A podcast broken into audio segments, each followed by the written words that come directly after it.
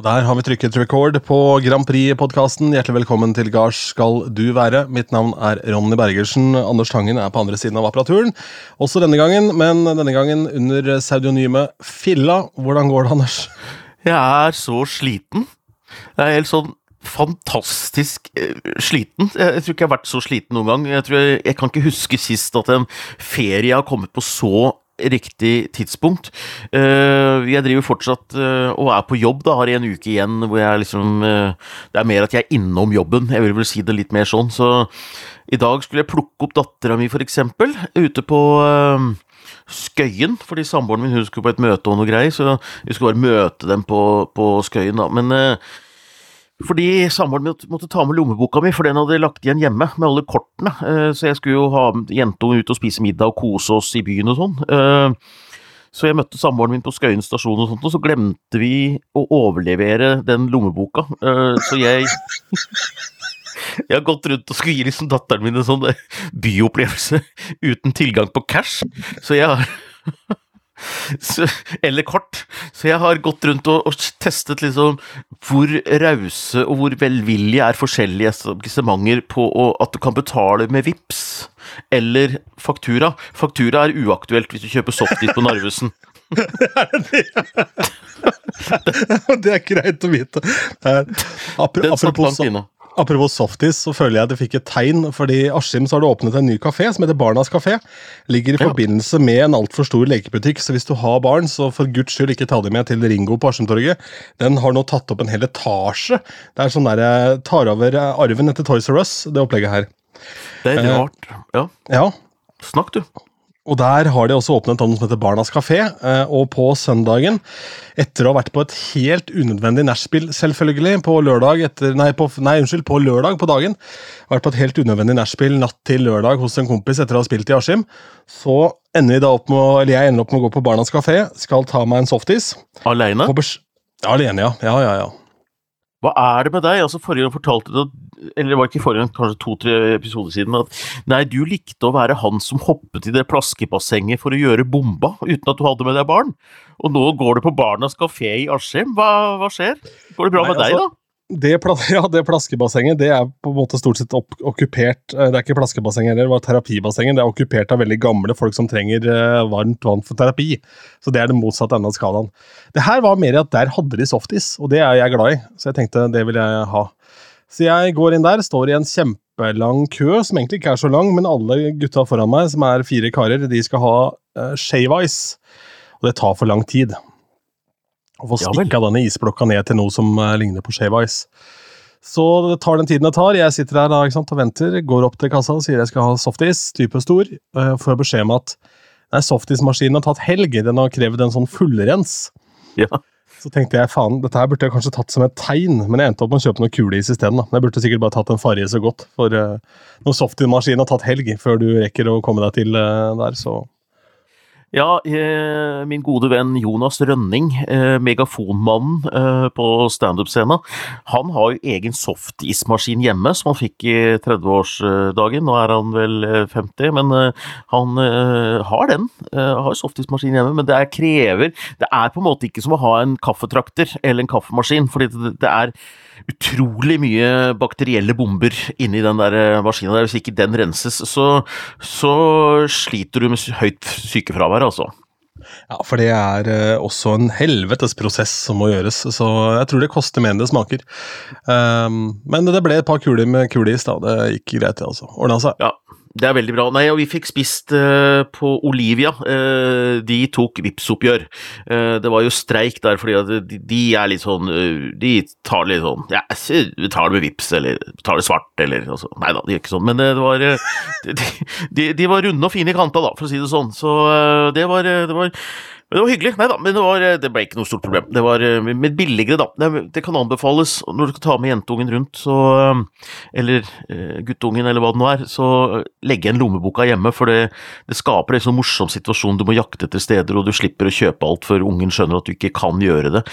Men for øvrig, når du sa det om Askim Altså, det vi skal i morgen, da Jeg har en fridag i morgen. Det datteren min og jeg skal gjøre i morgen det er altså at vi skal på Østfoldbadet i Askim i morgen. Ja. Så dette er jo doomed. Ja, for det var jo det berømte badet hvor jeg hoppa i terapibassenget. Så hadde det ikke vært for at jeg var opptatt i morgen, så kunne jeg tatt noen bomber der, som bare for show, liksom. Ja, det var sånn for gamle dagers skyld.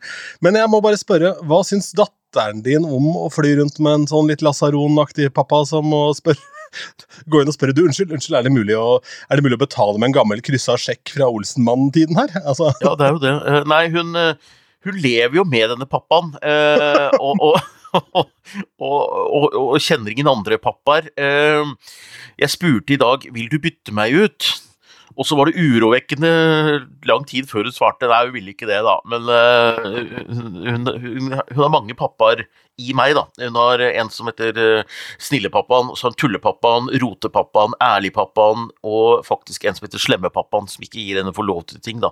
Så hun eh, har mange pappaer, og i dag var det da Rotepappaen. Men Nei da, det, det, det, det går greit, hun blir jo vant til det. Og, men det var ikke slutt med det. Eh, tålmodigheten gikk vel litt ut av ballongen idet vi skulle hjem. og eh, Vi droppa dessert i byen fordi vi hadde ikke penger til å kjøpe is. eh, og ikke, du kan ikke kjøpe faktura på Narvesen som nevnt, så vi dro hjem, for vi hadde is i fryseren. Sånn lollipop og en sånn Crash, sånn pæreis som vi skulle kose oss med til barne-TV. Og så har jeg en sånn nøkkelboks på utsida her. Eh, jeg husker koden på den, selvfølgelig, men, men det var ikke noen nøkkel inni den boksen. Og samboeren min var jo fortsatt borte. og det var sånn tru, truende sånn regn og tordenskyer over huset, men vi kom oss ikke inn, da. Uh, så, så det ble ikke is, men uh, hun fikk hjelpe med å klippe plenen i stedet. Uh, så kvelden det, det ble liksom ikke den kosedagen, men vi hadde det gøy, da. Så kom samboeren hjem, og Kristin, og da låste hun oss inn, så alt ble så fint. Så da spiste vi is og spiste lakriskule, og i morgen er det Barnas kafé i Askim. Hva er lakriskule?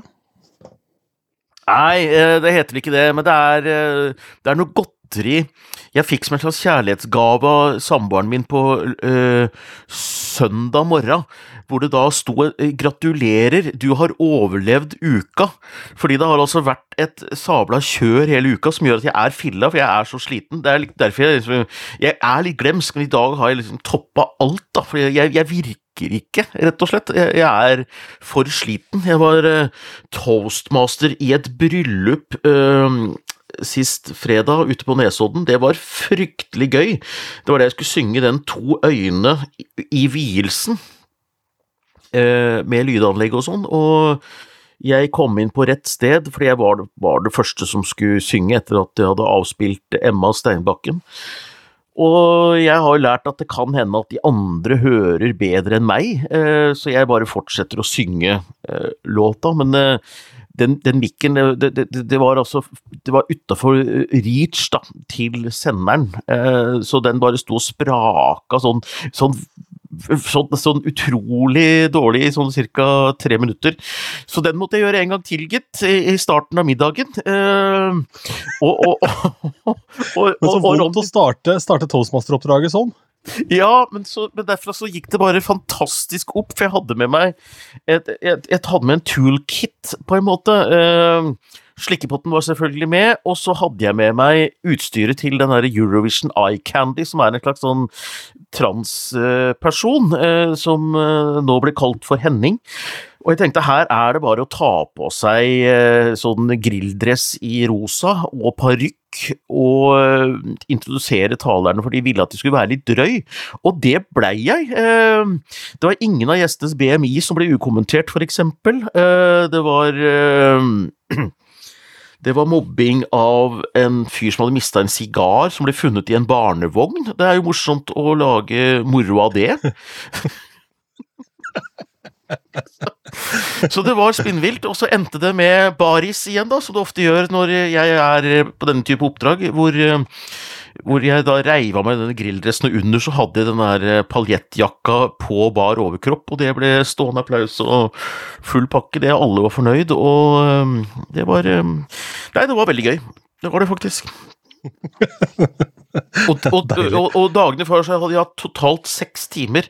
Tre timer for uh, Nammo på Raufoss ammunisjonsfabrikker på torsdag, og tre timer på fredag. Tre timer er lenge når du står foran og skal underholde folk og holde dem uh, våkne, og du er på litt sånn, ikke gyngende grunn, da, men uh, liksom, jeg kan ikke så mye om våpenindustri og hvilke arbeidskultur det er og sånt noe.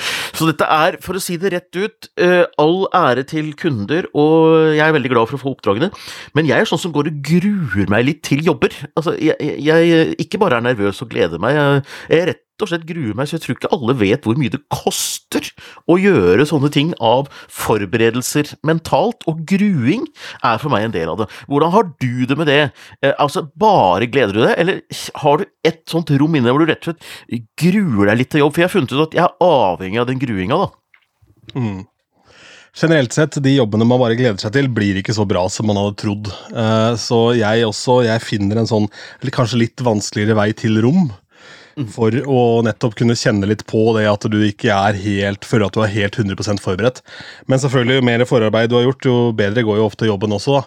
Jeg hadde en rar, eh, rar jobb også på lørdagen selv. Eller rar og rar, det var jo for så vidt en helt eh, fin jobb. Det var et uh, veldig hyggelig bryllup. Men det første som skjer når jeg kommer dit da, for å rigge meg til, der var det lydanlegg fra før.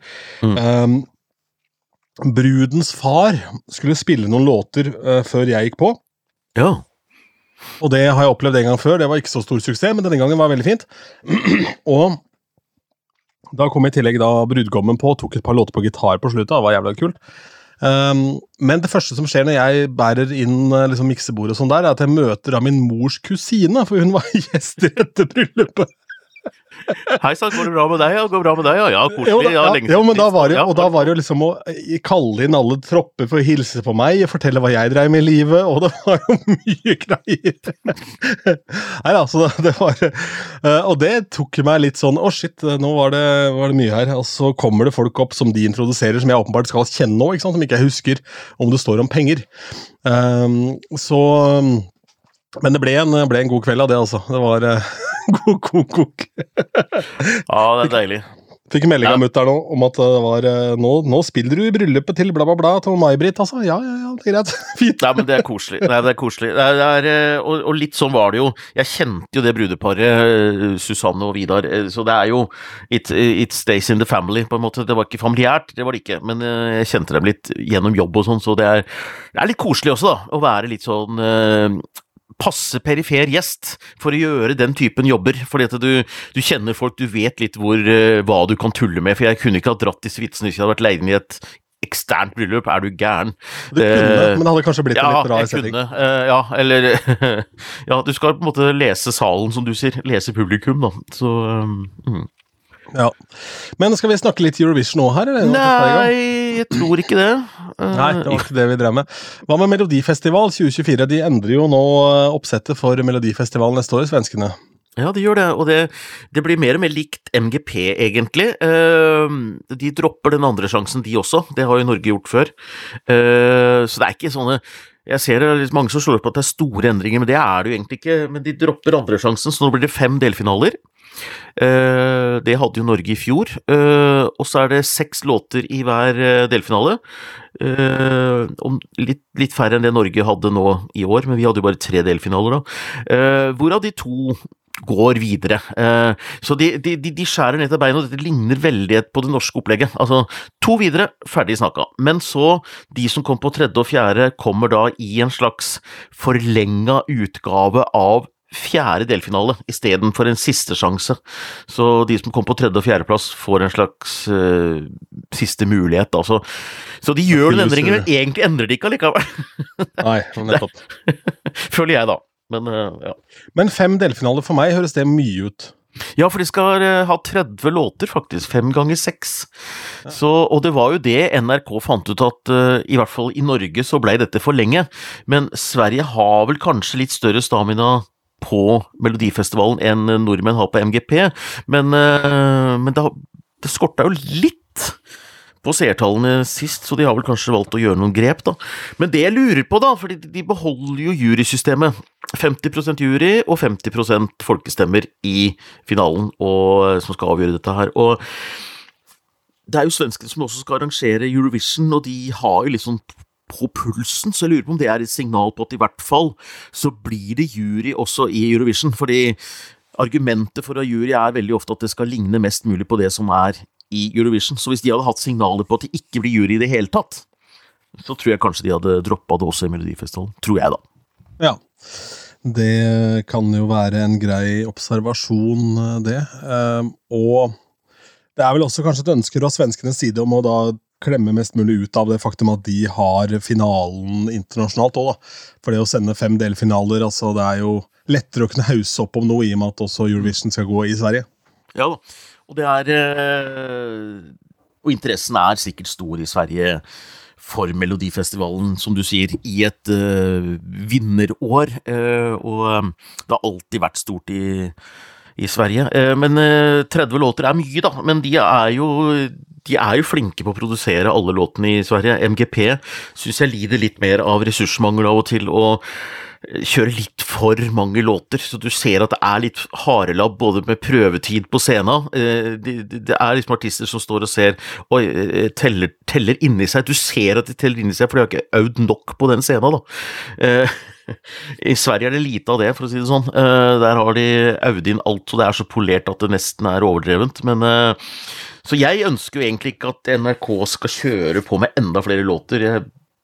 Hvis de har ressurser til å kjøre 15 låter, da, tre delfinaler, fem låter i hver, så gjør heller det, mener jeg, og gjør det skikkelig. Det er ikke noe vits i å pøse på. Nei, men på den annen side, hvis de slenger på 30 låter, så kan det hende at du kommer med med en av dine en gang i framtida, da?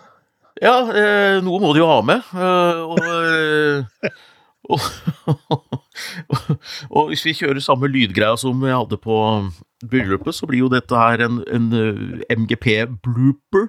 Vi har forresten hatt, apropos det, vi har hatt en sånn spennende tråd nå i uh, gruppa, som for øvrig har bytta navn fra Tangens Grand Prix-boble ja. til Grand Prix-bobla. Ja, det skal jeg spørre deg om. Hva er bakgrunnen for navnebyttet her? Nei, du, det er rett og slett fordi at eh, jeg, Dette starta jo som en gruppe for mine nære venner, hvor vi skulle dyrke vårt fellesskap om Grand Prix for å skjerme de av våre venner på Facebook og sosiale medier som ikke er så interessert i det som oss. Det var det det begynte med. Men nå er vi jo liksom 1600 stykker. Og, og, det er greit å ha stort, stort nettverk, men få får være grenser. Jeg får være grenser, ja. Og jeg syns etter hvert det har begynt å bli en stor boble å bære disse 1600, at jeg skal liksom si at dette er min boble. Altså, det, det føltes litt rart. Og så dessuten så eh, har jeg jo eh, en del andre ting å holde på med, så det er det er litt ansvar å ha navnet sitt på en sånn boble som blir så veldig tett knytta til meg. Så nå, nå, er vi sju flotte administratorer som eh, deler ansvaret for det, men det blir jo det, mye av det samme. Men eh, jeg slipper å tenke på at eh, å nei, nå er det ingenting som skjer i den bobla der, nå må, vi, må, jeg finne på noe. Nå har de seks andre like stort ansvar for det som det jeg har hatt, så det er Litt sånn avlastning, men øh, boblefar Jeg kan ikke frasi meg farskapet mitt. Det kan jeg jo ikke. Nei, men du, du er ikke redd for mytteri?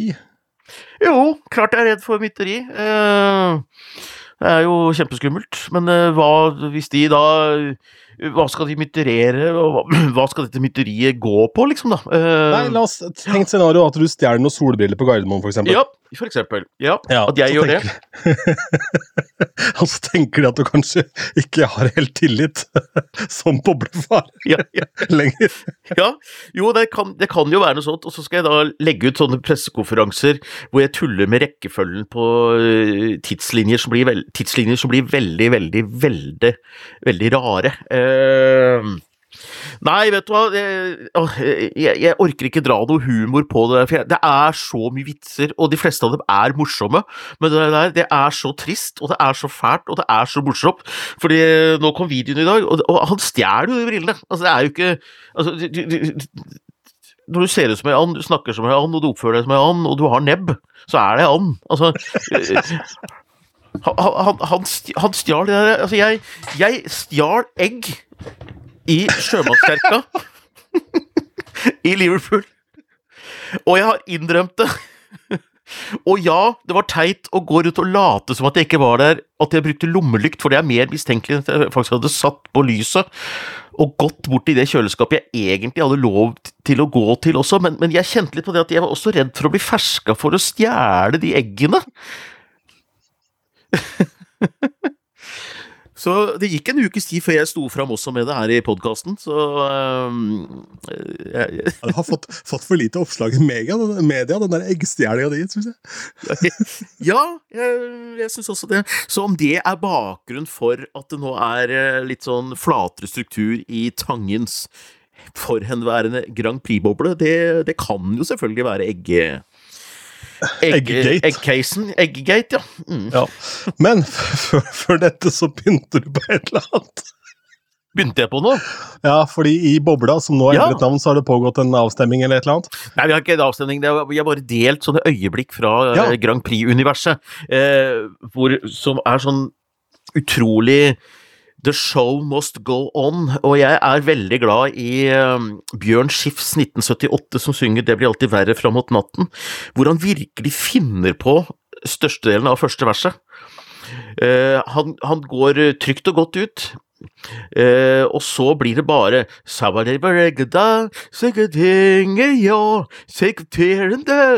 det sånn.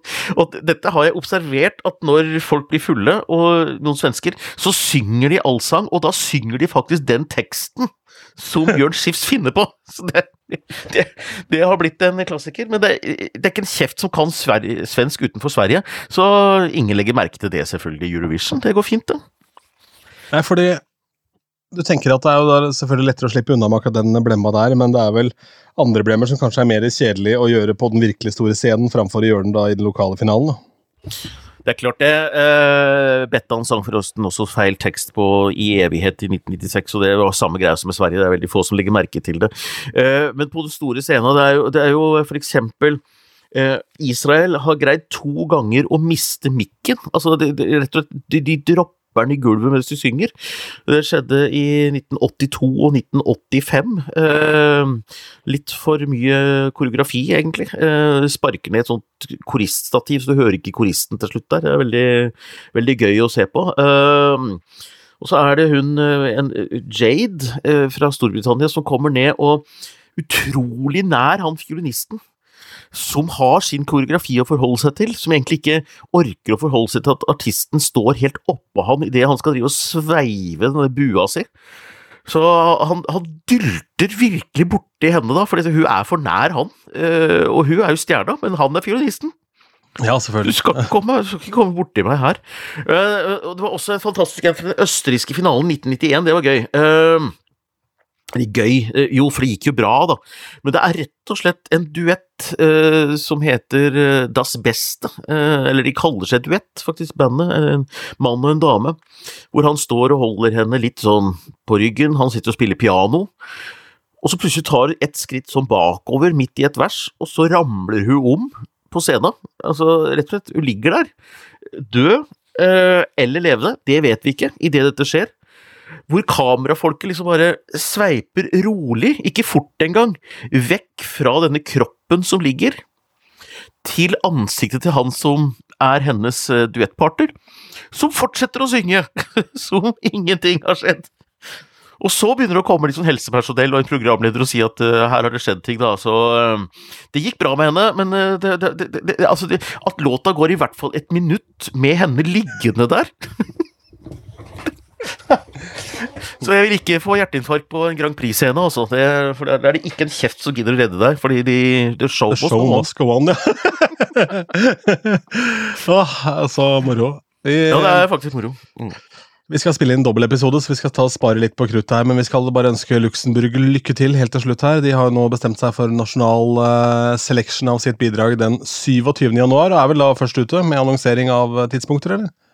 Jeg har ikke fått med noen andre, i hvert fall. Uh, og de, de, er jo da Ja. Da er de, ja, de er tidlig, da. Uh, Norge pleier å være tidlig ute. Vi skal vel ha finale Ja, tror jeg. Uh, en ukes tid etterpå, er det noe sånt, da. Så vidt jeg har skjønt. Mm. Har Doktor Alban noe tilknytning til Eurovision eller Melodifestivalen som du vet om? Nei, ikke som jeg vet om. Jeg tror ikke det. Nei. Nei, Det er kanskje litt for sent for han å begynne med det nå, men uh, jeg bare kom på når du snakka om det med å sparke over ende mikrofonstativ, at det var uh, en uh, kamerat av meg som hadde vært på et sånt stort MLM-treff, sånn multilevel marketing-opplegg i Sverige, ja. hvor Dr. Alban skulle underholde, og så um, var det da en liten stund etter konserten så kom Dr. Alban ut på scenen med en lommelykt. da, Folk begynte å, liksom, å juble igjen, trodde han skulle kjøre nytt show. Men så hadde han bare mista mobiltelefonen sin under opptreden. Ok, ja. Uh, Dr. Alban, ja. Tannlegen? Ja, det er korrekt. Kanskje han er offisiell Eurovision-tannlege. Ja, det lurer jeg på. ja. It's my life, take it or leave it. It's Takk for oss.